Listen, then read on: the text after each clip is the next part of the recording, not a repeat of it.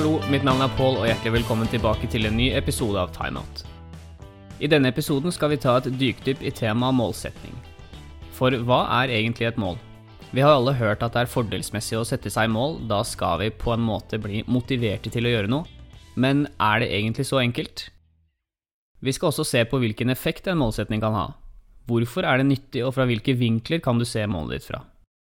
Vi skal også se på hva som skiller et godt mål fra et mindre godt mål, og hvordan du i praksis på enklest mulig måte kan sette deg mål, hvor du vet hvordan du skal gjennomføre oppgaven for å få mest mulig gevinst av den innsatsen du har lagt inn. Det å sette seg mål det er kjent for folk flest. Store deler av det vi gjør i hverdagen er basert på å gjøre ting med et formål. Du går på skolen for å få deg en utdanning, du drar på jobb for å tjene en krone. Du holder deg i aktivitet for å holde deg frisk, og du spiser kake og drikker kaffe fordi du syns det er sunt for hodet og føles behagelig. Vi opplever mål som nyttig, og noe som gjør at vi klarer å holde fokus på det vi egentlig er ment for å gjøre. Det funker altså som en måte å redusere engstelse i hverdagen på. I alle fall så reduserer vi sannsynligheten for å bli stressa. Det gjør i alle fall at vi blir motiverte, og det vi driver med, gir en følelse av mening. Dette er hvordan vi opplever målsetning, eller i alle fall hvordan vi ønsker at et mål skal resultere i. Motsetningen til et godt resultat er et dårlig et, og istedenfor en opplevelse av mening og motivasjon, så kan du ende med en følelse av fortvilelse, skuffelse og eller misnøye.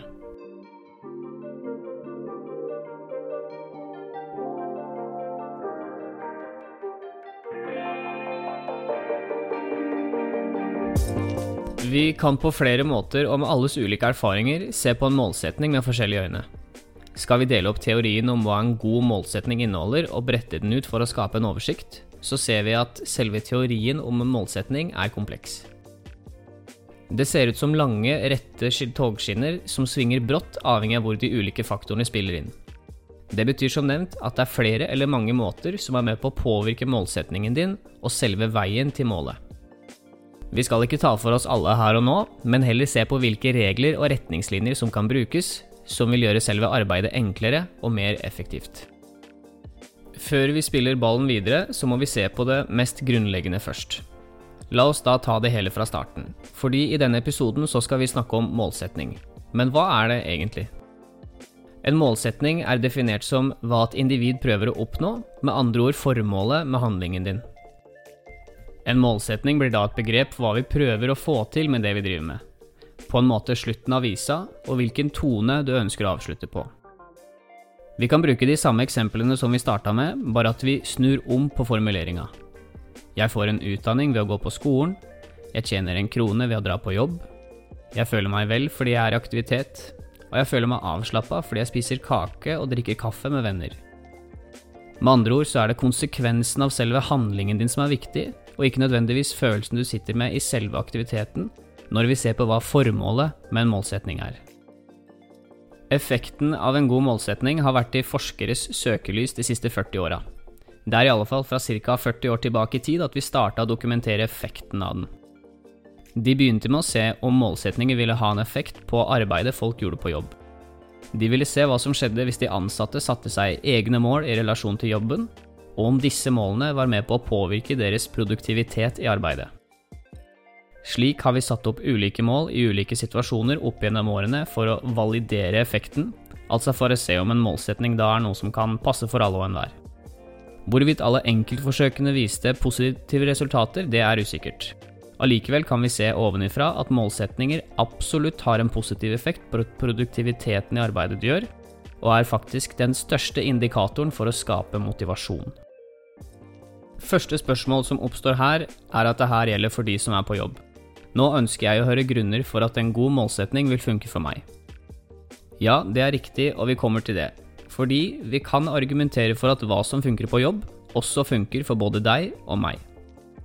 Grunnen til det er at stammen for en god målsetning spiller inn i alle mål som settes, altså prosessene til å nå målene dine er de samme om du setter deg mål om å bli flinkere til å skrive mail eller å slå hjul, Uavhengig av hva du ønsker å bli bedre på, så jobber en målsetning med å definere retningen du skal investere energien din i, og de kognitive prosessene og de fysiske handlingene du gjør som et resultat av målet, ja, de er de samme uansett hva målet måtte innebære. Siden vi nå vet at stammene i teorien om målsetning er de samme, så spiller det du faktisk gjør i praksis, ingen rolle.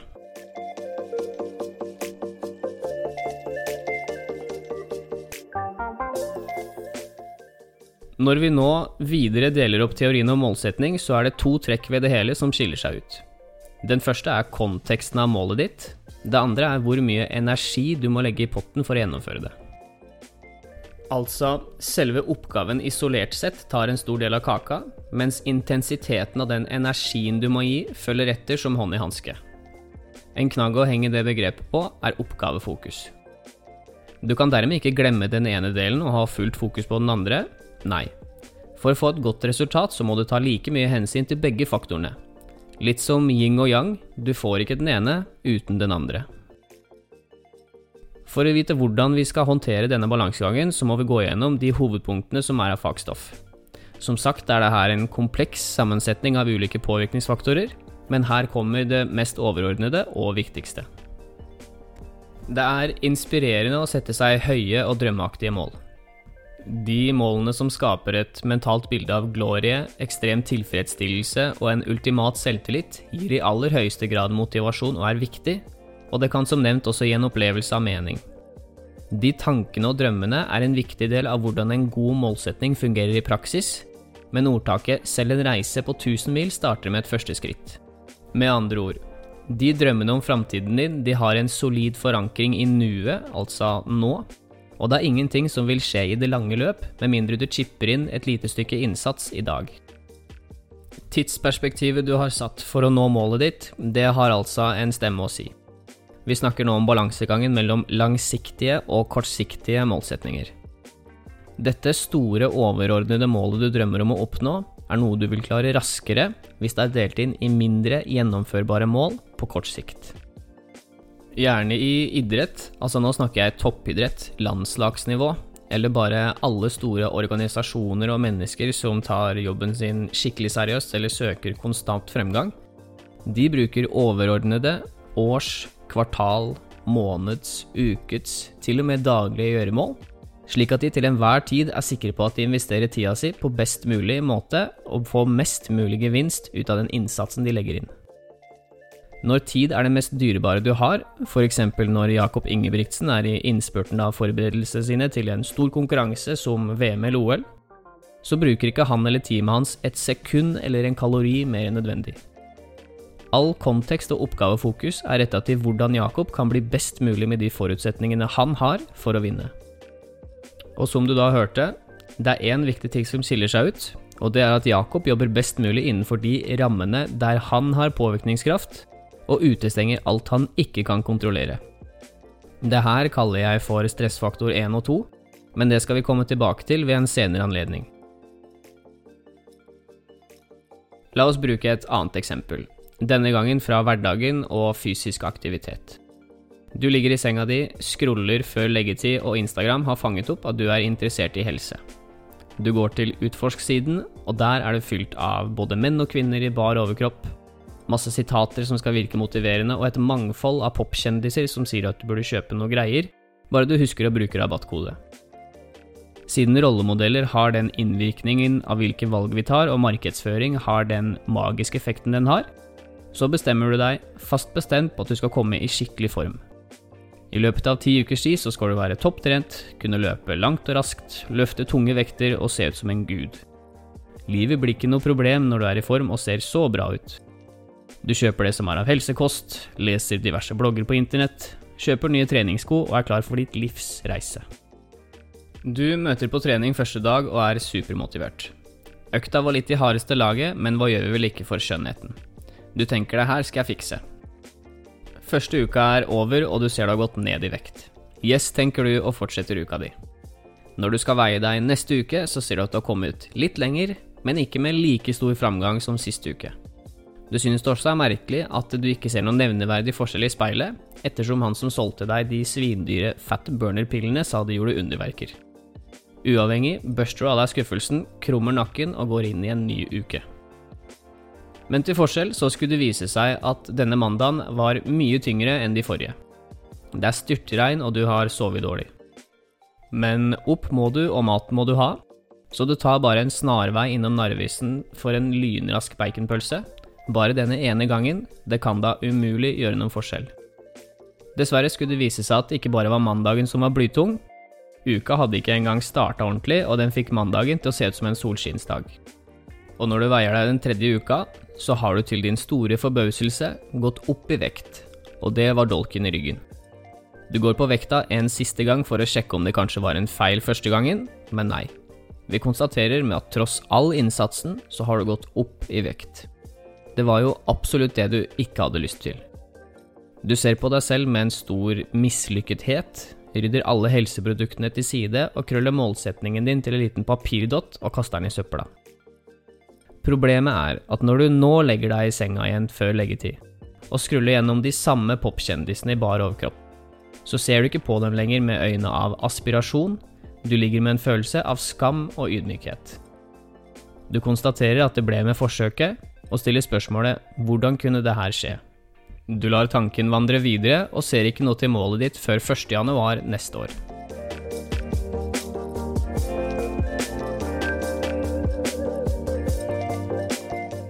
Det eksempelet her det var satt litt på spissen, allikevel så håper jeg moralen kom igjennom. For det er mange feil i det målet som ble satt. Det å kunne bruke kroppen som en idrettsutøver etter ti uker er i første gang ikke realistisk. Ja, vi kan absolutt gjøre mye bra for helsa vår i løpet av ti uker, men det er ikke realistisk å gå fra sofapotet til gresk gud på under et kvartal. Alle endringsprosesser er faktisk avhengig av tid for å kunne tilpasse seg. Og hvis vi da skal benytte oss av prinsippet om langsiktige og kortsiktige mål, så vil det være fint med et drømmemål som gir deg motivasjon til å gi det lille ekstra, eller i det hele tatt begynne i første omgang, da er Instagram, Facebook og diverse sosiale plattformer en god måte å hente inspirasjon på. Men det hjelper ingenting med mindre du vet hva neste steg i riktig retning er, altså de kortsiktige målene du setter deg i dag. Disse kortsiktige målene gjelder alt fra månedlige til da daglige gjøremål, til og med til hva du gjør hver bidige time. La meg prøve å forklare. Øv på å strukturere uka di. Hva er det du må ha gjort denne uka for å være sikker på at du har gjort fremgang? Videre ser du på hva du burde gjøre dag for dag for å få kontroll over ukesoppdraget, slik at du med sikkerhet kan si at det blir godkjent. Det enkleste du kan gjøre, det er å skaffe deg penn og papir. Det er det enkleste med to A4-sider som du har kontroll på. En liten almanjakk funker også, hvor du kan skrive notater. Eller du kan kjøpe deg en fin, motiverende bok hvor du kan strukturere hverdagen din. Skriv ned målet ditt for denne uka. Skriv ned en skjematisk slagplan for hvordan du skal nå det. Bruk gjerne klokkeslett, siden det gir en følelse av at det er veldig realistisk. Selv de enkleste oppgaver kan du skrive ned. Før du skal gjøre en oppgave, ta oppvasken eller re opp senga di. Sjekk deg av lista og kjenn at det faktisk utgjør en forskjell. Og for all del, ikke legg fra deg notatene dine. Med mindre du har memorert de eller har en veldig sterk motivasjon, ha det med deg så det ikke blir glemt. Fordi faren er f.eks. at du blander lavt blodsukker med en dose stress, så gjør vi sjelden smarte valg. Vi går videre og tar med oss eksempelet ovenifra. Hva mer var det som gikk galt her? Én ting er tidsperspektivet som er urealistisk. Vi kan bare få til så så mye på så så lang tid. Et fast tidspunkt, en dato, innen når du skal nå målene dine, det er viktig. Det gir en reell følelse av det hele, og en forventning at det kommer til å skje enten du vil det eller ikke. Vi kan på sett og vis kalle det for lystbetont tvang. En annen måte å sette mål på, det er å vurdere målene dine i både prosess og resultat. Som vi har nevnt tidligere når vi snakka om at vi går på skolen for å få utdanning og vi drar på jobb for å tjene en krone, så jobber resultatmål med å sette søkelys på selve resultatet av utførelsen, f.eks. et bestemt tall på baderomsvekta for vår gode venn som ønsker å forbedre helsa si. Det tallet er et enkelt mål å forholde seg til. Spørsmålet er om resultatmålet vil holde ut i lengden, og om det er mer nyttig å vurdere målene sine i prosess.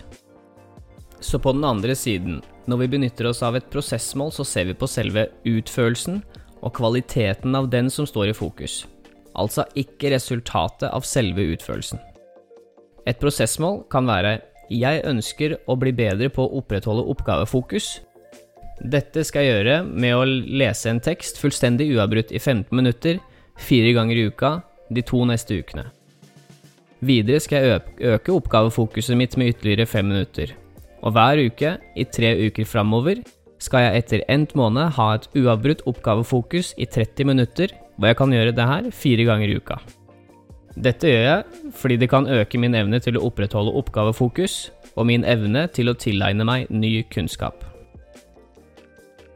Når vi tidligere snakka om at en målsetning primært sett ser på resultatet av handlingen, altså konsekvensen av det du bedriver som betyr noe, ikke selve utførelsen, så må vi nå snu helt om, og faktisk legge fokus på selve utførelsen og se på veien til målet som viktigere enn da selve målet.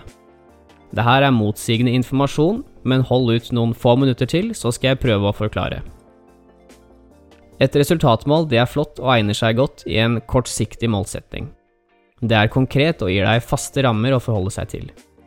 Utfordringen den er at hvis målet er i tråd med vår gode venn som ville gå ned i vekt, at hvis han vil gå ned fem kilo på like mange uker, så er ikke han i fullstendig kontroll over hvor mange kilo han kan gå ned. Vi liker å tro at det her er fullstendig innenfor vår kontroll, men det er utallige faktorer vi ikke kan kontrollere. Kroppen er i likhet med en målsetning veldig kompleks, bare ganga med en million og under huden vår så fungerer kroppen og hodet som vårt eget lille univers. Ringvirkningene kan være at f.eks. søvnkvaliteten din påvirker hormonene våre. Hormonene våre de påvirker vår funksjon, og vår funksjon legger føring til hvor mye energi vi har. Hvor mye energi vi har, det gir en pekepinn for hvor mye vi orker. Og hvor mye vi orker, påvirker tankene våre og kan så tvil om det her er verdt energien din. Disse tankene bestemmer om du skal dra på trening eller ikke. Og siden du bestemte deg for å dra på trening selv med lite søvn, ja, da sier fordøyelsessystemet til hjernen at du trenger påfyll av næring og en belønning for strevet. Slik ruller den ballen av ringvirkninger, og før du vet ordet av det, så ser vi tilbake på det punktet av at fem kilo på like mange uker er påvirkbart, ikke kontrollerbart. Til forskjell så kan vår fitnessvenn ta kontroll over helsa si i større grad men da må vi gjøre noe med målene. Istedenfor da fem kilo på fem uker, så kan du sette deg flere prosessmål som kun tar hensyn til det du kan kontrollere. Vi ser da på prosessmål innenfor ulike faktorer som er sentrale innenfor helseaspektet. Det kan høres ut som følgende. Jeg skal de neste fem ukene forbedre helsa mi, og det her skal jeg gjøre ved å ta kontroll på følgende. Jeg trenger minst åtte timer søvn hver dag. Det kan hende at hverdagen ikke legger til rette for åtte strake timer søvn, men jeg har en time i løpet av dagen hvor jeg kan hvile øya. Jeg skal spise seks måltider seks ganger i uka, hvor to eller tre av de her skal enten være frukt eller grønnsaker. Til frokost skal jeg spise kornprodukter, og til lunsj og middag så skal jeg følge tallerkenmodellen for næringsfordeling. Jeg klarer det her ved å forberede matpakke dagen før, og gjøre ukas handling og alltid ha en banan eller eple lett tilgjengelig f.eks. i sekken eller stresskofferten din. Den sjuende dagen i uka, gjerne lørdag eller søndag, så skal jeg spise moderate mengder, men tillate meg søtsaker som en belønning for strevet. Jeg skal trene fire ganger i uka. Jeg skal følge planen min, og hver eneste gang jeg møter opp, så er jeg fast bestemt på at jeg skal gjøre mitt beste. Hvis jeg en dag opplever at trening ikke passer, så skal jeg som en kompensasjon gå en tur etter middag eller før leggetid. Etter endt uke så skal jeg også skrive et refleksjonsnotat. Her skal jeg skrive ned alt det gode som har skjedd denne uka, og hvis uka har vært skikkelig tung og du ikke har så mye energi til overs, så skal jeg heller skrive hvor tøff og flink jeg har vært, som tør å stå i en endringsprosess. Jeg vil også notere ned hvis jeg har gått gjennom noe som kan være nyttig å huske på til en senere anledning. Til forskjell fra et resultatmål hvor målet er å gå ned 5 kilo, så vil de prosessmålene geleide deg gjennom hverdagen og gi deg kontroll over hvilke valg du tar. Kanskje du ikke klarer fem kilo på fem uker med disse prosessmålene. Du gikk kanskje bare ned tre. Det er to kilo for lite, men til gjengjeld så sitter du igjen med, at, med en følelse av at det her er gjennomførbart og motiverende, og siden du har gjort alt i din makt innenfor de rammene du kan for å påvirke helsa di. Sett i sitt mest grunnleggende så sitter både du og Jakob med de samme følelsene. Dere har begge gjort alt dere kan innenfor de rammene dere kan kontrollere. Før vi runder av denne episoden, så er det et siste prinsipp jeg ønsker å nevne. Og det er prinsippet om en smart målsetning. Smart står da for strukturert, målbart, oppnåelig A-en er da achievable på engelsk, realistisk og målbestemt. Dette prinsippet er kanskje mest kjent og brukt for allmennheten. La meg prøve å skildre en smart målsetning. Uten struktur så er målet ditt vanskelig å følge opp. Og uten å kunne måle framgang, det er som å seile uten kompass eller å fly uten koordinater. Hvis målet ikke er oppnåelig, så kan jeg love deg en stor skuffelse. Uten å være realistisk, så har din virkelighetsoppfatning lite den skulle sagt. Og uten en tidsramme, så sløser du muligens med det ene vi aldri får tilbake, nemlig tid. Målet ditt trenger ikke å sjekke alle disse boksene, ei heller må det være perfekt. Det viktigste er at du har et mål, men det er likevel en god huskeregel så du ikke bruker for mye energi på unødvendige ting. Så, hvordan skal vi oppsummere alt det her? Vi starter fra begynnelsen. Hver eneste dag så tar vi mange, mange valg. Og de valgene, de er gjort med et formål. Da anser vi en målsetning som nyttig å ha. En målsetning er delt i to.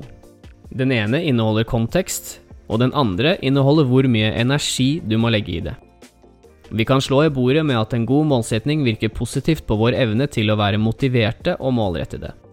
Og når vi setter oss mål, så er det lange og korte målsetninger hensiktsmessig, siden det gir et bilde av hva vi ønsker å oppnå i det lange løp, og en oversikt over hva du må gjøre her i dag. Videre så kan du vurdere målene dine som enten som et resultat eller i prosess. Begge er nyttige, allikevel så kan den ene virke mer hensiktsmessige enn den andre. Med prosessmål så forholder du deg til selve utførelsen av aktiviteten som sentral, og gir deg kontroll innenfor de rammene du kan kontrollere. Det mest brukte prinsippet for en solid målsetning er SMART. Strukturert, målbart, oppnåelig, realistisk og tidsbestemt er enkle knagger å tenke på når du skal sette deg et mål, men det viktigste er ikke hvor bra målet ditt er, det er at du i det hele tatt har et.